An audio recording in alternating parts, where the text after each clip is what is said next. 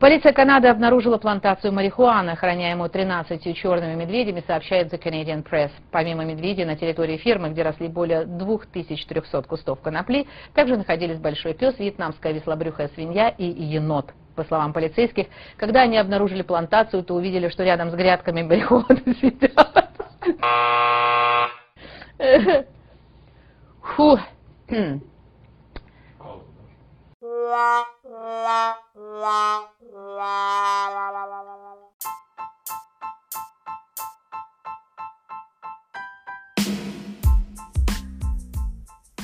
Privyat, Kak Dila.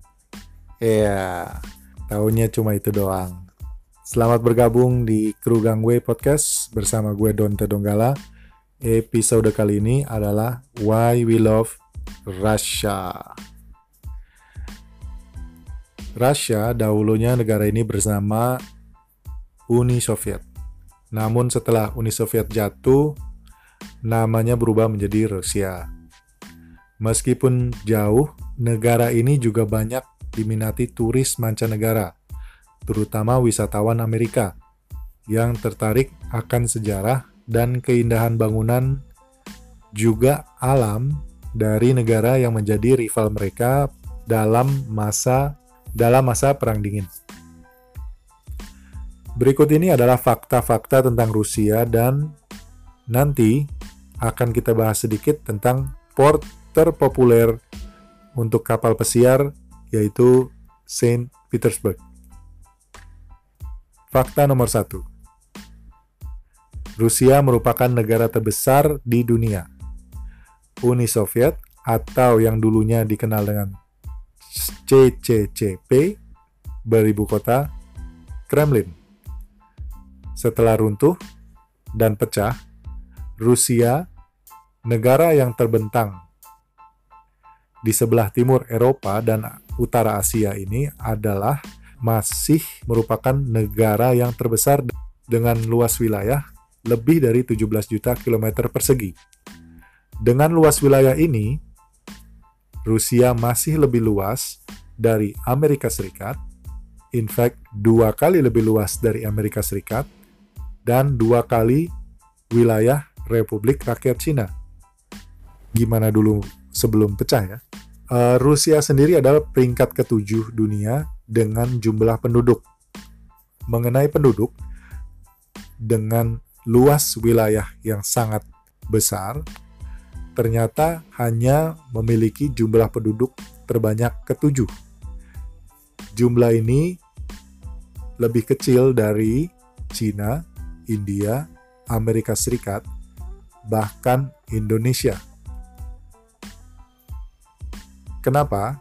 Karena ternyata penyebaran penyebaran luas penduduknya itu eh, banyak daerah di Rusia yang belum bisa atau tidak bisa ditempati manusia. Jadi hanya ter, banyak daerah-daerah kosong di sana.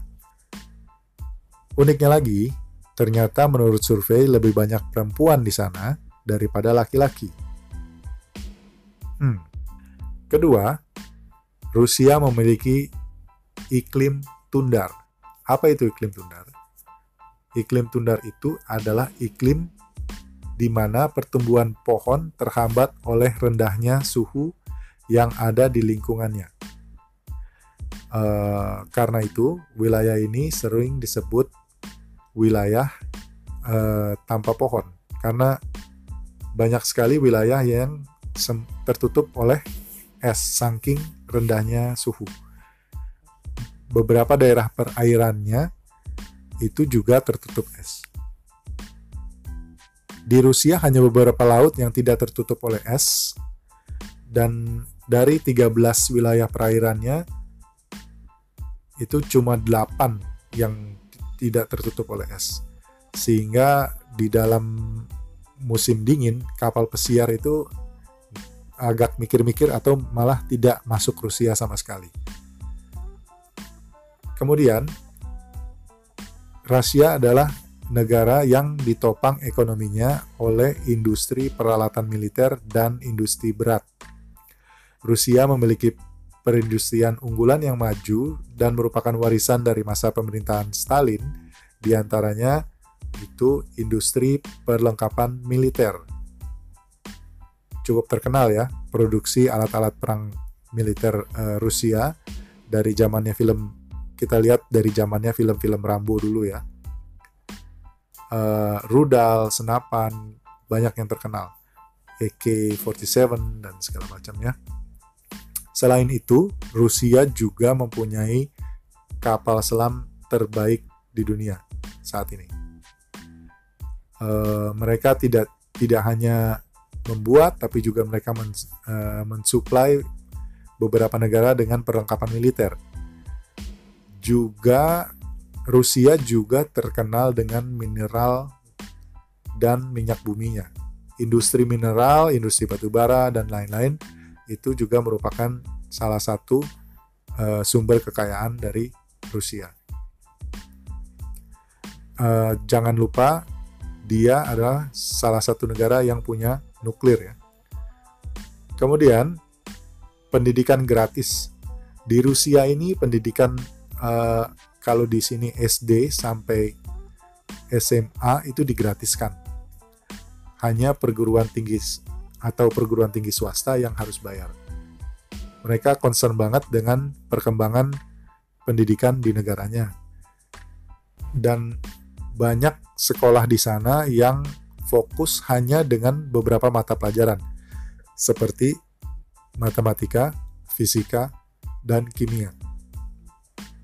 Bagi yang belum tahu, Rusia itu adalah negara yang multikultural Budaya yang menyebar di masyarakat Rusia sangat bermacam-macam karena dipengaruhi oleh banyak budaya.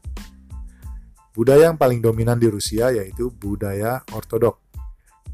Budaya lain juga menambah keragaman Rusia. Contohnya budaya Slavia, budaya Islam, dan budaya suku Buryat. Rusia yang multietnis ini didomisili oleh 12 etnis tapi yang paling banyak adalah etnis asli Rusia, which is sekitar 79%, hampir 78%. Kemudian eh, Tartar, ya, suku Tartar, terus suku eh, etnis Ukraine, Ukraine, etnis Baskir, etnis Chuas, dan etnis Chechen ada juga sedikit bangsa Armenia yang tinggal di Rusia. Nah, agama yang mendominasi di Rusia adalah Kristen dan Islam.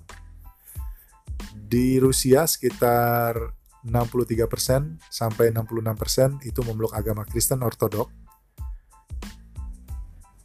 Agama Islam peringkat kedua, uh, eh, menduduki peringkat kedua dengan presentasi 5 sampai 6%. Agama lainnya seperti Protestan, Yahudi, Katolik dan Buddha juga ada di Rusia dengan presentasi yang lebih kecil. Tentunya eh, berbagai etnis berbagai agama yang dipeluk berdasarkan di mana mereka dilahirkan, tergantung etnisnya ya. Kemudian Rusia juga terkenal dengan Saint Basil Katedral, gereja yang memiliki jumlah atap terbanyak membentuk kerucut di lapangan merah Moskow. Secara tradisional, bangunan ini dianggap sebagai simbol unik posisi Rusia yang berada antara Eropa dan Asia. Eh, agak-agak mirip Turkish building gitu ya kalau dilihat antara gereja atau masjid karena bentuknya campur-campur. Moskow, Saint Petersburg, Stalingrad atau Volgograd sekarang, Sochi, Kerch, Murmansk adalah destinasi wisata yang terkenal di Rusia. Tapi yang biasa dilewati oleh laut sampai saat ini adalah Sochi, Murmansk, dan Saint Petersburg. Nah, kita akan bahas sedikit tentang kota yang terakhir ini, Saint Petersburg. Teman-teman udah tahu ya, di Saint Petersburg itu tempat populer, tempat yang paling populer di antara kru.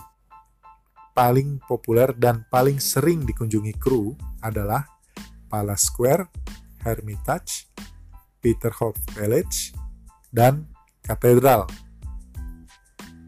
Kenapa Saint Petersburg selalu populer untuk kru? Nih, menurut gue ya. Overnight. Setiap masuk Saint Petersburg, paling nggak 2-3 hari overnight. Zaman dulu, sebelum kalau di di Oceania sebelum adanya crew on board time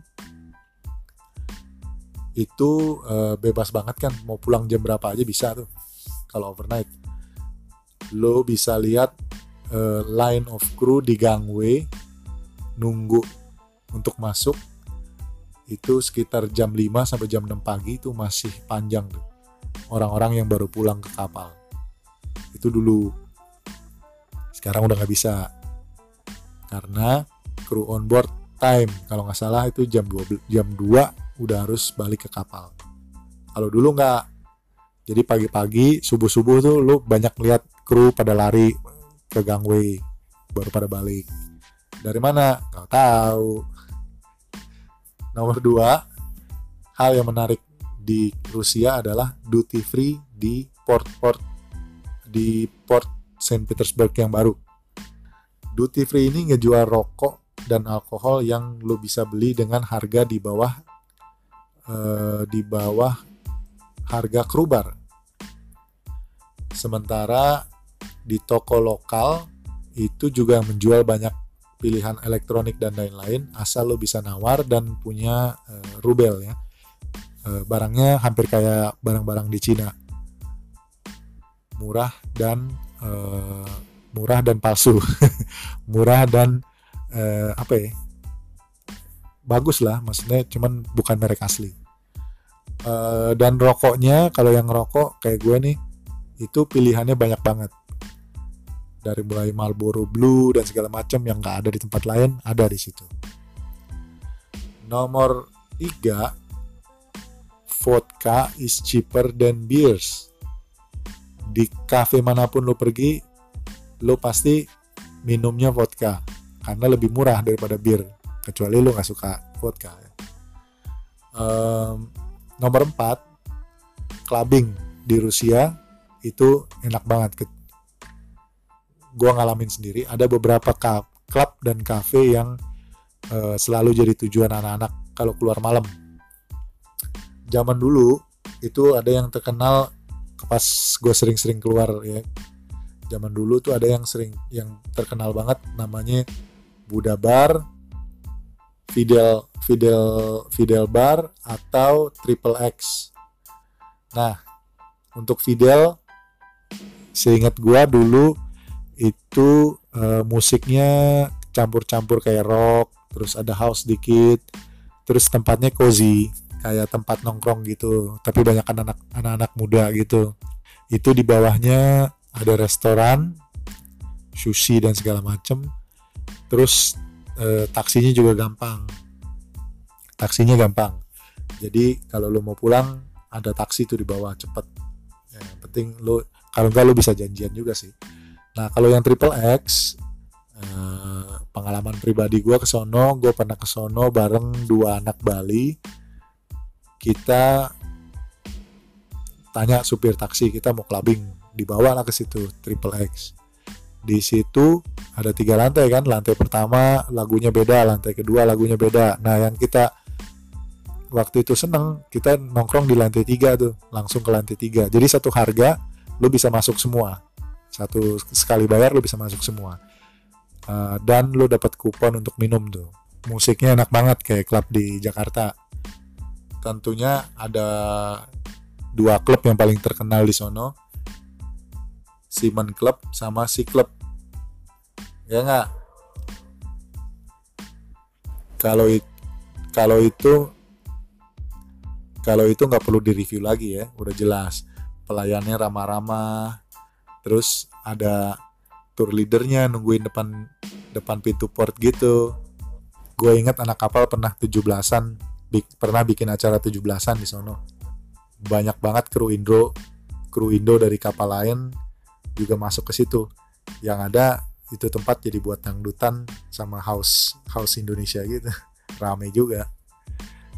Kemudian yang kelima restoran anak-anak kapal suka suka pada keluar makan tuh malam-malam. Nah di Rusia itu banyak typical Russian Georgian restoran sampai sushi dan pizza. Semua ada semua buka kira-kira sampai jam 11 malam nah yang mau ke resto Cina juga ada yang buka sampai malam plus wifi lagi pinggir jalan ya kan? Uh, makanan terkenal di Rusia itu sup apa ya? Sup gors ya sama kaviar. Ada yang udah pernah makan belum? Terus, kalau lo perhatiin, tiap kita ngeport di Saint Petersburg, terutama di yang sungai itu ya, itu selalu ada wedding. Seneng aja ngeliatin orang-orang foto-foto wedding, terus ngeliatin mobil limo yang panjangnya kayak bis kota tuh, ya kan? Pemandangannya enak dilihat terus buat jalan-jalan kaki sepanjang sungai juga enak di situ. Nah, kalau gua ada tempat berkesan yang mungkin lo belum pernah. Itu stasiun kereta bawah tanah. Itu gua baru pertama kali masuk ke stasiun bawah tanah yang gede banget, turunnya jauh banget. Itu naik eskalator dari atas sampai ke bawah, itu sekitar 10 menitan kali ya baru nyampe bawah. Gila kan? Ada yang udah bersono? Ada yang udah pernah ke sono belum?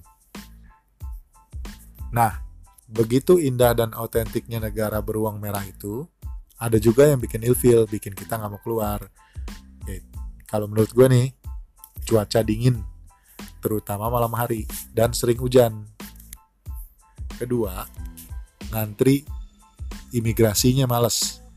Belum lagi petugasnya yang ramah-ramah itu tuh. Plus kalau lo keluar terus pas tamu pergi tur malam, udah deh apes, mending gak usah keluar, ya kan? Terus uh, selain taksi di Rusia itu jarang ada yang tahu cara naik kendaraan umum, ya kan? Lo bisa jalan kaki dari sini, dari kapal ke tempat tujuan lo dan balik lagi, saking nggak tahu harus naik apa. Atau lo harus jalan bareng kru yang bisa bahasa Rusia. Kalau enggak ya susah. Terus lu mesti janjian sama tuh, tuh supir taksi. Kalau lu supir taksinya nggak datang lu nggak bisa balik ke kapal. Ya kan?